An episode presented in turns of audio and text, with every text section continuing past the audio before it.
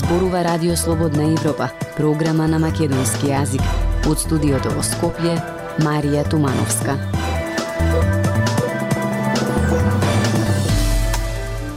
Нема поврзаност меѓу измените и дополнувањата на кривичниот законник во делот на омразата со најновите случувања поврзани со подпишаниот билатерален договор со Бугарија, уверува министерот за правда Никола Тупанчевски во неделното интервју на Радио Слободна Европа.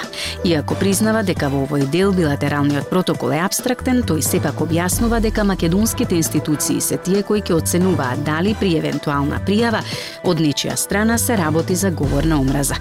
Министерот се надева дека преку зголем намалување на платите на судиите и јавните обвинители ќе успее да ја намали високата недоверба во македонскиот правосуден систем.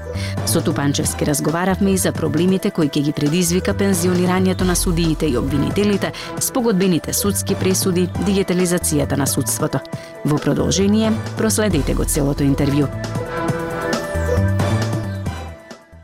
Министре, веќе две недели на ЕНЕР е ставена последната драфт верзија, нацрт верзијата на кривичниот законник.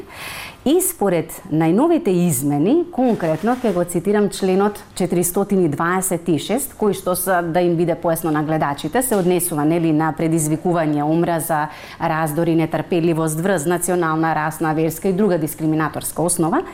Додаден е и делот за омраза предизвикана од која било друга основа предвидена со закон или со ратификуван меѓународен договор. Во предходната, во предходниот член 319 го нема овој дел. Бидејќи е многу актуелна ситуацијата со протоколот кој што го подпишавме со Бугарија, што овој член ќе значи во контекст на протоколот и говорот на омраза кој што нели таму се споменува практично нема никаков континуитет или некаква конекција меѓу а, измените и дополнувањето, односно новиот кривичен законник и неговата прва верзија со актуелните случувања во нашата држава. Две и пол, односно три години наназад се работеше на оваа првична драфт верзија која што е прикачена на НР системот, нели? И а, сите измени, дополнувања, надгледба на актуелниот кривичен законник беа направени врз основа на други стандарди што не се поврзани со актуелните случувања. Значи, се тргна од позицијата дека треба да се земат предвид компаративните искуства, детектираните слабости во кривичниот законник во однос на практиката и се разбира на меѓународните стандарди. Кога станува збор конкретно за 319, чинам дека беше 426 во драфт верзијата, овие додавки или овие суфикси во однос на таа одредба се како резултат на одредени меѓународни стандарди кои што произлегуваат од дефинирањето на поимот омраза. Да поедноставам, односно да сублимирам, омразата има своји европски стандарди во однос на незиното етаблирање и практично членот 426 представува само продукција или консеквенција на она што се нарекува меѓународен стандард, абстрахирајќи се од конкретните случувања. Кога ги спомнавме веќе настаните, како што реков, нели билатералниот протокол е она што предизвика особено внимание и е, поделени реакции нели во јавноста. Е, во протоколот е многу општа таа одредба, е, ако може така да се нарече, за говорот за говорот на омраза. Има еден дел, еве конкретно ќе цитирам, кај што вика државите ќе создадат без одложување со одветна процедура и конкретни чекори за преземање на брзи и ефективни мерки при идентификување на такви случаи. Значи, министре, и како правник, професор, ве прашувам, како ќе се спроведува таа процедура? Кој конкретно ќе одлучува или ќе оценува што е говор на омраза? И дали воопшто може да се контролира тој говор во јавниот простор? Значи, имаме ние национално собствено законодавство каде што прецизно го имаме дефинирано поемот говор на омраза или синтагмата говор на омраза. Тоа значи дека доколку има прекршување на она што се нарекува позитивно право, тоа ќе зборуваме за говор на омраза без некакви дополнителни елементи или сегменти.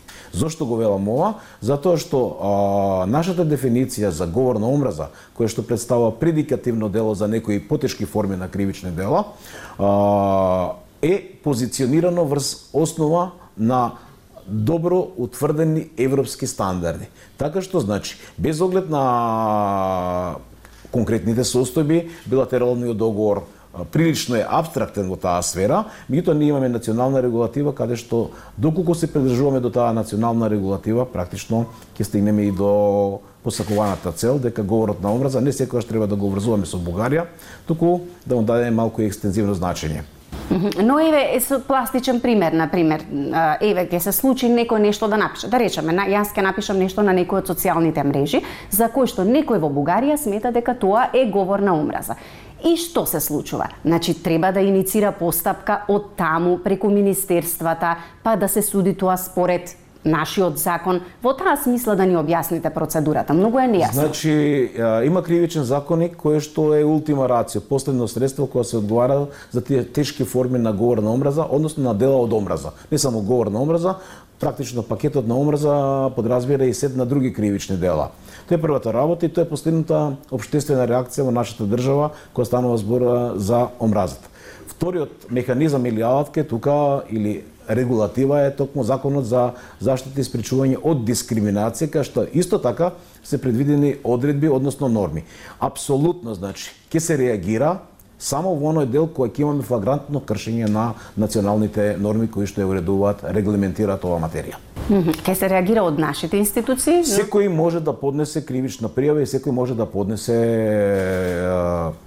укажување, сугестија дека навистина во одреден текст или не знам каде има елементи на говор на омраза. Меѓутоа тоа се институциите на нашата држава, македонската држава, кои што треба да се произнесе во однос на овие прашања и никој друг. Што за еден министер за правда значи податокот дека граѓаните само 8% му веруваат на судството? Министерството за правда не е ниту суд, ниту јавно обвинителство кое што подигнува обвинение или што носи пресуди. Меѓутоа, Министерството за правда е орган, односно институција која што овозможува оптимални услови за право раздавање. Во таа насока, фактот дека деновиве веќе работиме на што се нарекува дополнителни услови за намалување на лошата состојба во правосудството е зголемување на платите на судиите, јавните обвинители и тоа сметаме дека тоа би можело да придонесе во однос на зголемувањето на мотивацијата кај судиите и обвинителите во однос на нели квалитетно правораздавање. Меѓутоа, тоа е само еден од сегментите. Дефинитивно, јас многу отворено ќе кажам, ако ние како Министерство за правда даваме таков поттик или мотив кон правосудството, зголемувајќи ги нивните плати за 15%, очекувам дека и од страна на судството и обвинителството едноцифрената доерба ќе стане двоцифрена за почеток. А, дали од оваа гледна точка, денесна гледна точка, а, не беше подобро да имаше ветинг во судството? Вие не бевте за ветинг. Значи, сум консеквентен во своите ставови и пред да дојам и пред да бидам на позиција министер за правда, секогаш сум бил приврзаник на ставот или на позицијата дека проблемите не секогаш лежат во законите или во однос на, на, на легислативата. Напротив, сметам Сметав и сметам дека и во моментов имаме ние институции кои што доколку се завршат својата работа како што треба, бидат на ниво на собствените надлежности, дека ветингот може да биде спроведен и со моменталниве алатки што ги имаме, меѓутоа и со моменталната регулатива. Да парафразирам, значи имаме ние тела, како што се судскиот совет, советот на јавни обвинители, имате повисоките судови, Врховниот суд кои што исто така имаат сериозен импакт во однос на утврдувањето на кои судии се квалитетни, а кои се неквалитетни, односно кои одлуки на судиите се квалитетни, а кои се неквалитетни. Министре, по Орце Камчев, еве и поранешниот шеф на УБК Сашо Мијалков, преку спогодба со обвинителството успеа да издействуваат намалување на затворската казна, а потоа и да ги променат адресите на живење и да ја одлежат таа затворска казна во затворот во Струга. Како правник ве прашувам, кој е вашиот коментар за таквата пракса и дали е тоа привилегија само на богатите и мокините или може и друг да го прави? А, во принцип, јас конкретни пресуди, него, како со министер не коментирам, меѓутоа можам да зборам за состојбите. А, спогодувањето на вина представува елемент или сегмент од прецедентното право кој што е пресликан, проектиран во нашето нашиот казнено правен систем, посебно нели во законот за кривична постапка. Идејата беше добра во насока на тоа дека доколку постојат пододедени услови, кои што се строго строго определени, заради поедноставување, заради економичност на постапката да се примени таквиот институт не можам да кажам дека имаме резултати на тој план.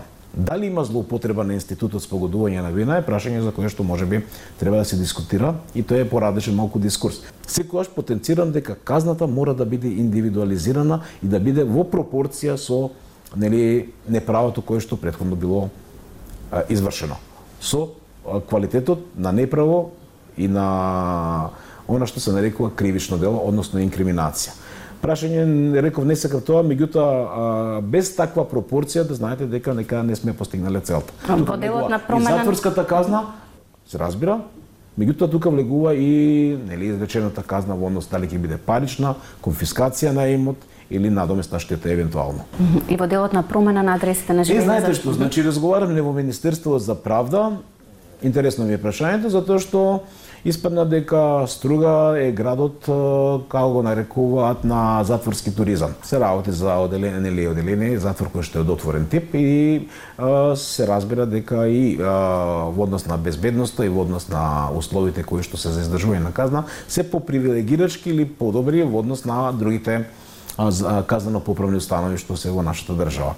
Она што значи правна можност за таков тип постои.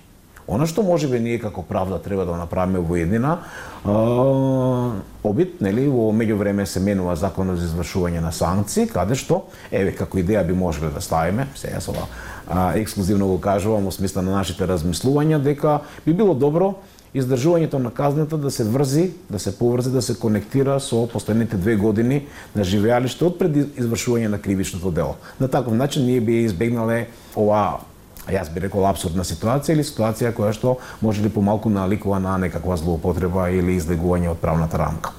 Така.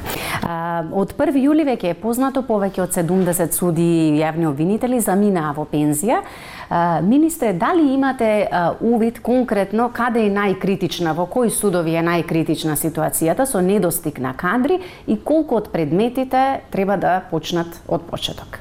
Критична состојба, најкритична би можел да кажам дека е во основниот граѓански суд тука, каде што практично ше суди за кратко време или отишла или ќе во пензија. Со оглед на тоа колкав е обемот на работа на основниот граѓански суд, значи тука ќе не биде невралгична точка или место каде што треба да се интервенира. Исто така апелациониот суд тука, зборам за Скопска апелација, еден судија отиде во пензија, до крајот на годината уште двајца, до март уште двајца, значи 5-6 судија одат во пензија, а знаеме дека најоптоварен апелационен суд, две третини од предметите во државата се нели ги работат со од Скопска апелација. Ако земете дека само една третина од другите предмети ги работаат или се дел од надлежноста на трите други апелациони суди, судови Битола, Гостивар и Штип, тогаш еве повторно велам значи постои можност дел од предметите да се реалцираат од една апелациона подрачја на други апелациони подрачја. Исто така може да се направи со судиите, се разбира за тоа треба да постои правен основ и тоа реков Министерството за правда дава идеја, ја помага, а, дава излезни решенија, меѓутоа тоа го прават институциите кои што се надлежни за таа работа, а тоа не е Министерство за правда. А, министре, во некои од судовите веќе почна и повеќе месеци подолго, мислам дека од времето на пандемијата практично се спроведува дигитализацијата, но дали сите судови ги имат потребните ресурси за еден ваков процес за кој што како што велите, многу ќе ги намали судските трошоци, а и ќе намали корупцијата? Точно. Значи дигитализацијата е процес кој што не можеме ние да го имплементираме преку ноќ. Напротив, значи тоа подразбира инфраструктурна подготовка, понатаму овозможување, едукација и така натаму, значи е комплексен процес. Се разбира дека пет судови се разбира. Значи има пет судови кои што се во финална фаза и тоа се како пилот проекти како треба да изгледа една судница, односно како би требало да изгледа таа дигитализација. Тоа е судовите во Скопје се тука, Струмица, Штип, да не испуштам неков, значи пет судови се и кавадарци. Точно, на вистина, тоа што таму го имат направено како пилот проект е за поздравување и јас тврсто сум убеден дека во најскоро време разговарав со а, надлежните од ИКТ секторот дека во догледно време како што со овие судови ќе бидат и останатите судови во нашата држава. Толку во оваа емисија ја слушавте програмата на македонски јазик на Радио Слободна Европа. Од студиото во Скопје ве поздравуваат Дејан Балаловски и Марија Тумановска.